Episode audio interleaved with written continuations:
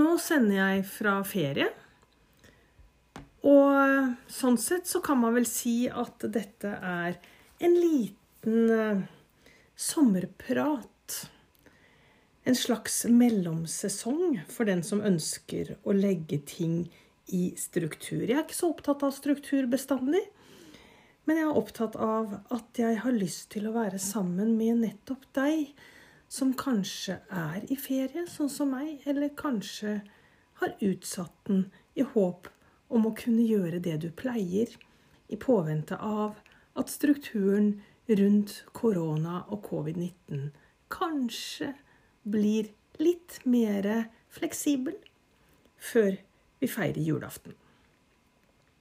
For en stund tilbake så fikk jeg en melding på min offisielle Facebook-side, en personlig melding, hvor en kvinne som heter Tove Irén, eh, spør om ikke jeg kan snakke litt om karriereendring.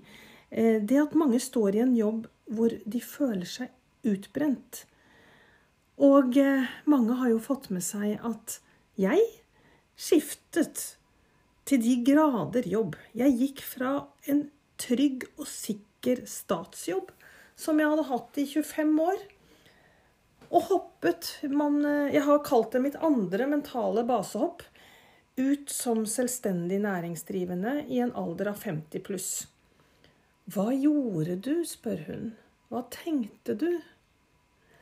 Og jeg har grublet noen uker og er ikke helt i stand til å redegjøre sånn 100% hva som skjedde, men jeg skal dele lite grann. Fordi det som er alvorlig, det er at veldig, veldig mange av oss har en jobb hvor vi føler at vi blir utbrent. Vi blir fullstendig flate. Og det finnes altså så uendelig mange årsaker til at det blir sånn nettopp for deg. Og det er ikke sikkert jeg treffer en av de, men du skal få noen av mine tanker. Det aller første tror jeg handler om at hverdagen vi lever, handler om struktur. Alt er satt igjen i en struktur. Vi skal opp til et visst klokkeslett, vi skal følge barn i barnehagen eller på skole. Vi skal ta oss av våre gamle, vi skal være på jobb mellom klokken A og klokken B. Og vi skal gjøre sånn og slik og sånn og slik og sånn og slik. Alt handler om struktur. Samfunnet har glemt relasjonene. Ja, så er det skrevet veldig mange bøker om relasjoner, og selv har jeg sverget til Jan Spurkelands bøker om relasjonskompetanse og relasjonsledelse. Men når jeg nå snakker om relasjon, så går jeg enda et hakk dypere. Hvem er du? Blir du ordentlig sett? Føler du at noen har tid til å stanse opp og bare være med deg? At ikke kaffekoppen som tas morgenkaffen eller tokaffen, at den ikke bare er en del av en struktur fra sjefen. Nå skal jeg være i relasjon med ham eller henne. Men at det kommer innifra. Det er det knapt noen som vet i 2020. Dessverre. Og jeg har ikke noe godt svar, men dette har jeg tenkt å snakke om mer utover høsten. Så for deg som ble veldig nysgjerrig på hva er basic relasjon fra hjerte og sjel, og ikke fra hodet, så følg med. Men ikke i dag. Så tror jeg at vi blir utbrent fordi vi driver mye dobbeltarbeid. Og her snakker jo jeg veldig mye om min generasjon kvinner. Um, vi som tok ansvaret for at barna fikk med seg de riktige tingene i barnehagen, som husket at det var julefrokost og påskefrokost, som fulgte barna og hentet barna ved siden av full jobb. I dag er det heldigvis mye som er forandret. Gutta tar masse ansvar. Men vi blir utbrente av dobbeltarbeid. Det er i hvert fall det som har skjedd fram til nå. Men er det egentlig dobbeltarbeidet som kverker oss? Eller er det det at vi ikke blir verdsatt? Jeg er ikke så sikker på om vi egentlig blir slitne av å gjøre ting. Jeg tror vi kan bli minst like slitne av å ikke gjøre noe. Det å legge seg på sofaen og tro at man skal bli uthvilt, behøver ikke å være nøkkelen så lenge tankene spinner, og så lenge man føler seg mutters alene. Så er det en tredje ting som jeg tror betyr mye spesielt for kvinner. Og det er at også i Norge så er livet preget av en tung filosofisk og vitenskapelig arv som handler om at det sånn i et eller annet gen, i en del av kulturen, definitivt i backstoryen vår, så anses kvinner for å ikke være like kapable til en rasjonell tanke slik som menn er. Og kanskje vil du tenke nå nei, men det gjelder ikke lenger. Og da vil jeg protestere, for det gjelder faktisk fortsatt. Snu speilet litt mot din egen hverdag og tenk. Viser menn i like stor grad og på samme måte som kvinner sine følelser? Har du noen gang sett en mann gråte i løpet av et møte? hvor stemningen blir vanskelig, hvor noen begynner å bites, hvor det går noen ganske tøffe ord over bordet. Det, har du noen gang hørt en mann si at han ble sykemeldt for han orket ikke arbeidsmiljøet på jobben? Jeg er helt sikker på at de mennene fins, men det snakkes ikke om på samme måte. Og da er vi tilbake til denne kulturen som eh, vi må fortsette å jobbe med. Fordi det er jo faktisk sånn at vi kvinner Når vi viser følelser, så gjør vi det både på egne vegne, men også for at eh, vi rommer andre menneskers følelser. Vi tillater oss kanskje ikke alltid å vise hva vi føler, før vi er sikre på at vi har ivaretatt andre. Dette her beskrives utrolig bra i en artikkel på side 49 i det siste nummeret av Altså, et kvinnemagasin uten reklame for hverdagskvinner. Et magasin som jeg oppfordrer alle til å abonnere på og lese. Og her er det en professor i psykologi ved Universitetet i Oslo som heter Hanne Håvin, som eh, sier bl.a. at kvinner blir lettere opptatt av hvordan de skal romme andre menneskers følelser, fremfor å prestere sine egne. Når kvinner berømmes for sin følsomhet, så er det ikke nødvendigvis fordi de åpner opp for egne følelser, men snarere fordi de påtar seg oppgaven å få andre til å føle seg bra. Kjenner du deg igjen, eller? Jeg kjenner meg igjen med en gang. Og jeg skal pinadø jobbe beinhardt for at neste gang, om ti år, hvis jeg leser den samme setningen, så skal jeg tenke nei, sånn gjør jeg det ikke lenger. Det er hjelp til selvhjelp, altså. Og eh, så sier hun videre at hvis kvinner møter motstand, så prøver de gjerne å være forsiktige og hjelpsomme.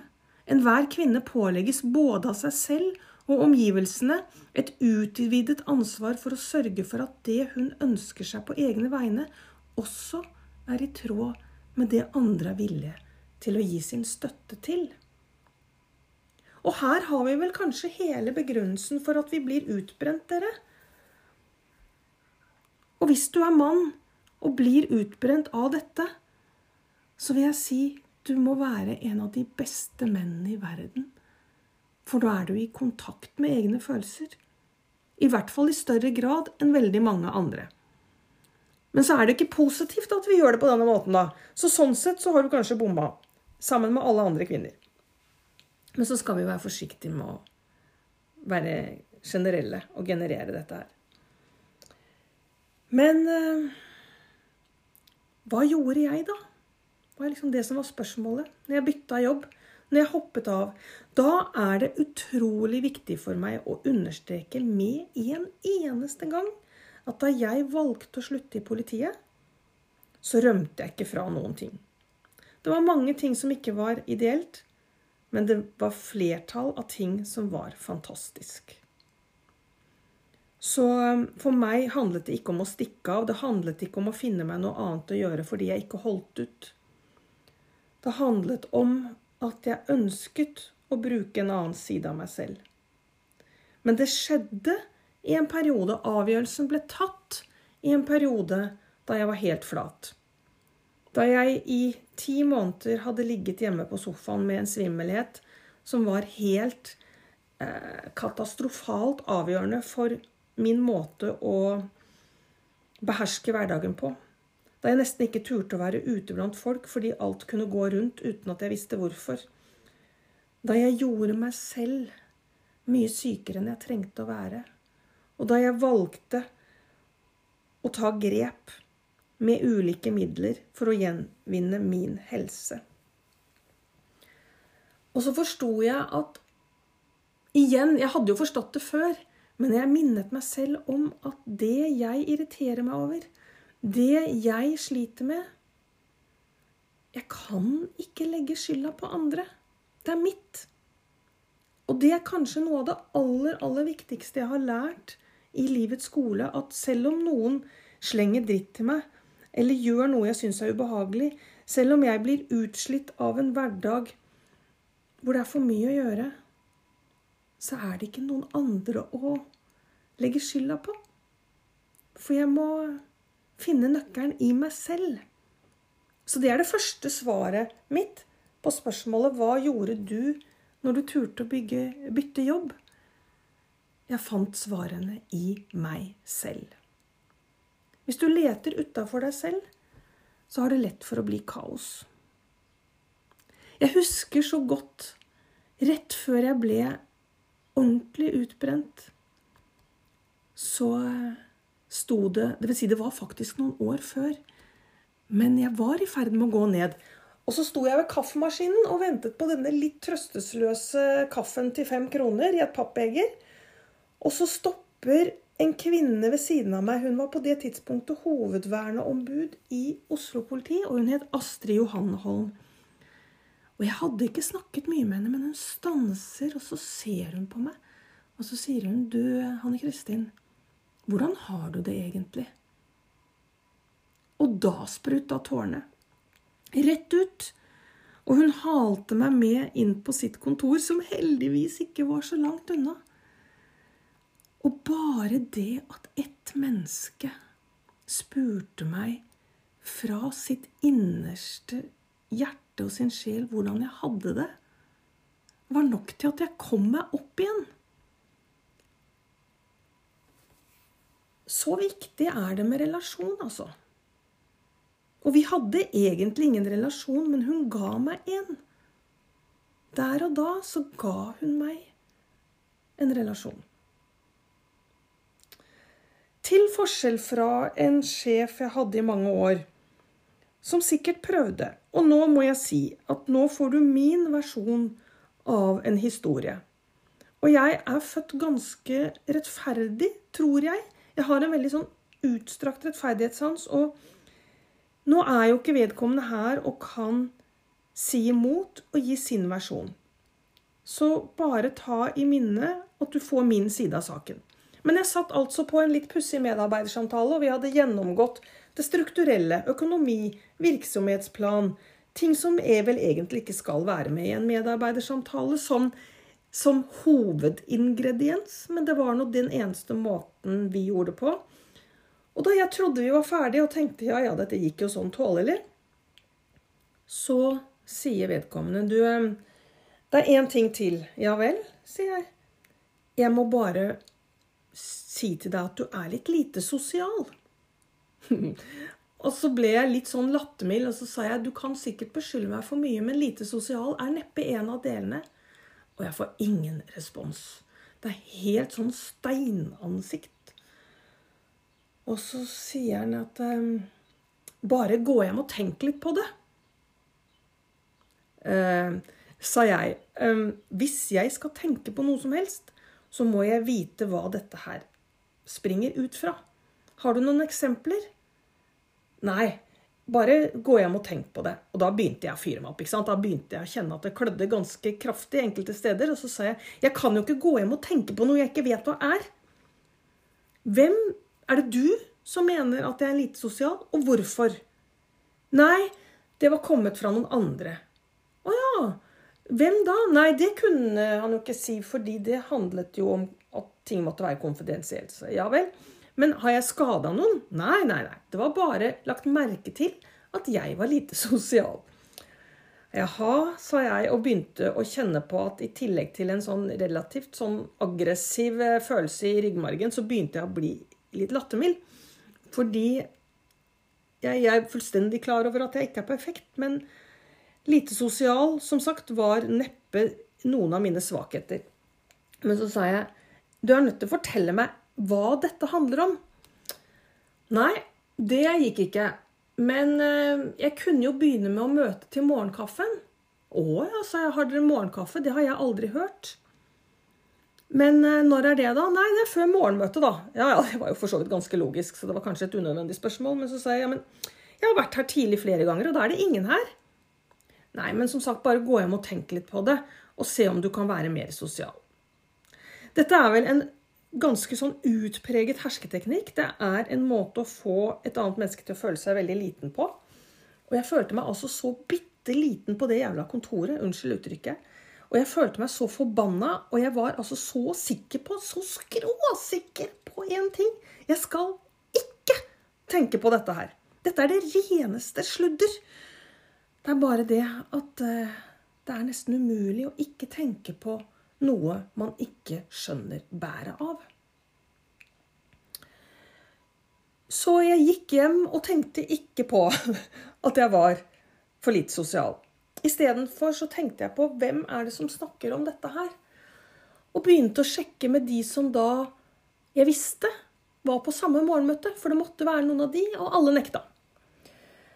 Så da var vi i en situasjon hvor jeg tenkte at dette her er bare sprøyt. Og jeg greide å legge det vekk. Jeg husker det fordi jeg bestemte meg for å huske denne episoden slik at jeg aldri, aldri, aldri behandlet et annet menneske på den måten selv. For jeg var jo også leder på det tidspunktet. Og så ble det veldig tydelig for meg at denne greia, denne episoden, det handlet ikke om meg. Det var ikke i meg akkurat det eksempelet, det problemet lå, det lå i min sjef, som hadde et behov for å få meg til å føle meg liten. Eller det var i hvert fall ikke mitt. Og da er vi tilbake til det som er helt avgjørende. Når jeg skal løfte meg ut av noe, når jeg skal bli mindre utbrent, mindre sliten, tørre å gjøre ting jeg ikke kan, og jeg møter reaksjoner Istedenfor å tenke at andre er dumme, så må jeg tenke er det mitt? Eller er det hans? Eller er det hennes? Og det er en så fenomenal teknikk for å sortere ut om jeg skal gå videre på den måten jeg har valgt, eller om jeg skal fortsette som før, eller endre en vane. Så i forhold til å være, at jeg fikk beskjed om at jeg var lite sosial, så endte jeg altså på en konklusjon. Dette er ikke mitt problem. Dette handlet ikke om meg. Altså så kan jeg legge det vekk og se hva som skjer. Og det skjedde jo ikke en dritt, selvfølgelig, for det var jo heller ikke noe problem. Jeg begynte heller ikke å ta morgenkaffe, for jeg var altfor travel. Jeg hadde morgenparoler og morgenmøter nede. Og jeg tenkte det er ikke her jeg skal trå til. Så litt tilbake til dette med at vår tunge filosofiske og vitenskapelige arv da, sier at kvinner er mindre egnet til rasjonell tanke. De fleste av oss vet jo at det ikke er riktig ut fra hvordan hjernene våre er skrudd sammen. Men det er jo et problem hvis det fortsatt ligger i kulturen, og det påstås det altså at det gjør. Og det mener jeg også at vi kan se på, i hverdagen. Og jeg tror at dette også kan handle om at vi i for stor grad Eller kanskje det er feil. Vi, vi, vi kan jo aldri bruke hodet for mye. Men vi bruker vår indre visdom for lite. Den kan heves opp. Min erfaring, og nå må jo du vurdere om det passer med din Men min erfaring er at menn i veldig stor grad i større grad enn kvinner lever i struktur og hierarki og konkurranse. Og det kommer ikke fra hodet, det kommer fra en eh, En eldgammel vane, kanskje. Noe som bare har blitt sånn. Fordi vi lot sjelsvisdommen og universet gå ned. Fordi det var ikke moderne å forholde seg til det immaterielle. Og så ender vi i feil spor, som samtidig fører oss i en god retning. Og vi kvinner, vi, jeg tror ikke vi konkurrerer så mye. Jeg tror ikke vi er i så mye hierarki, men vi manipulerer. Kvinner er dritgode på å manipulere. Og når vi manipulerer, så ligger det følelser og spinner og danser cha-cha-cha inni oss. Det er reneste rømbaen og tangoen og rocken i ett når kvinner setter i gang med å manipulere. Og igjen så er jeg helt sikker på at vi tilbake, hvis vi går tilbake til ren sjelsvisdom, så er det ikke noe av dette. Så hvordan skal vi komme dit? Hvordan skal vi greie å bli renere i atferden? For hvis vi blir renere, så blir vi mindre utbrent. For det er min erfaring. Når jeg slipper kontrollen Dette har jeg sagt før. Når jeg slipper kontrollen, da får jeg en annen type kontroll. Som er uten forlangende til meg selv. Den er uten krav. Den er med lys. Og den er med håp. Og den er med så spinnende, morsomme fremtidsvyer. Jeg får så optimistisk tro på alt jeg kan. Og jeg har så uendelig stort ønske om at alle kvinner i hele verden skal føle det på samme måten. Ja, alle menn også. Fordi hvis dere gutta slutter å konkurrere, hvis dere slutter å plassere deg, dere i forhold til andre, og i stedet blir litt rausere med følelsene. Nå vet jeg at jeg provoserer, men det er meningen. Så Og vi kvinner slutter å manipulere. Du verden. Da trer lyset fram, altså. Jeg hører at jeg spinner av gårde, men jeg liker å spinne fordi, som jeg begynte med å si at hele livet vårt er lagt inn i struktur. Det er som et uendelighetens sjakkbrett, hvor alle våre valg og beslutninger skal flyttes etter et bestemt mønster. Mens det jeg prøver i min podkast, det er å starte et sted og lure på underveis hvor jeg ender. Og det er det jeg driver med nå. Jeg snakker utelukkende fra relasjon meg til deg til universet, hvor det ikke fins noen grenser. Hvor håpet er uendelig. Og når håpet er uendelig, så blir mulighetene også uendelige. Og så tenker du kanskje nei, det gjør det ikke, for jeg har ikke penger eller jeg har ikke noe sted å bo. Nei, da da har du det ikke bra. Men håpet har ingen grenser. Og hvis vi går ut fra at akkurat du som er med meg nå, har det rimelig greit din, Tenk om det er dine egne begrensninger du sitter fast i, da. Tenk om det er du selv som gjør at du blir utbrent. Ikke mannen eller samboeren eller eksmannen eller ekskona. At det ikke er barna dine eller jobben din. At det er måten du gjør tingene på. At du er for mye i hodet og slipper håpet for lite til. For jeg tror at det er det jeg greide. Da jeg sto med tærne ytterst på scenekanten, sånn billedlig sagt, og var sykemeldt og svimmel og følte at alt var dritt. Og jeg hadde drømmejobben i politiet. Leder for seksjon for volds- og seksualforbrytelser. Jeg hadde fantastiske medarbeidere. Jeg hadde det så gøy. Det var liksom ingenting som var gærent. Bortsett fra at jeg ikke tålte mer. Kroppen min ville ikke mer. Og så begynte jeg å gruble. Kanskje det er noe annet jeg skal gjøre nå? Jeg liker jo å snakke. Kanskje jeg kan leve av å holde foredrag? Jeg liker å skrive. Kanskje jeg skal tørre å skrive krim, som jeg allerede var blitt spurt av om å gjøre av Anne Gåthaug, som da jobbet i Kagge forlag. Hva hvis, tenkte jeg. Hva hvis jeg lar mitt indre lys, håpet mitt, om at jeg kan mer enn jeg kan, eller enn jeg tror jeg kan Hva om jeg lar det slippe til? Hva om jeg tør å hoppe? Og så gjorde jeg det. Og så gikk det utrolig bra. Men jeg har jo ikke noen garanti for at det fortsetter å gå bra.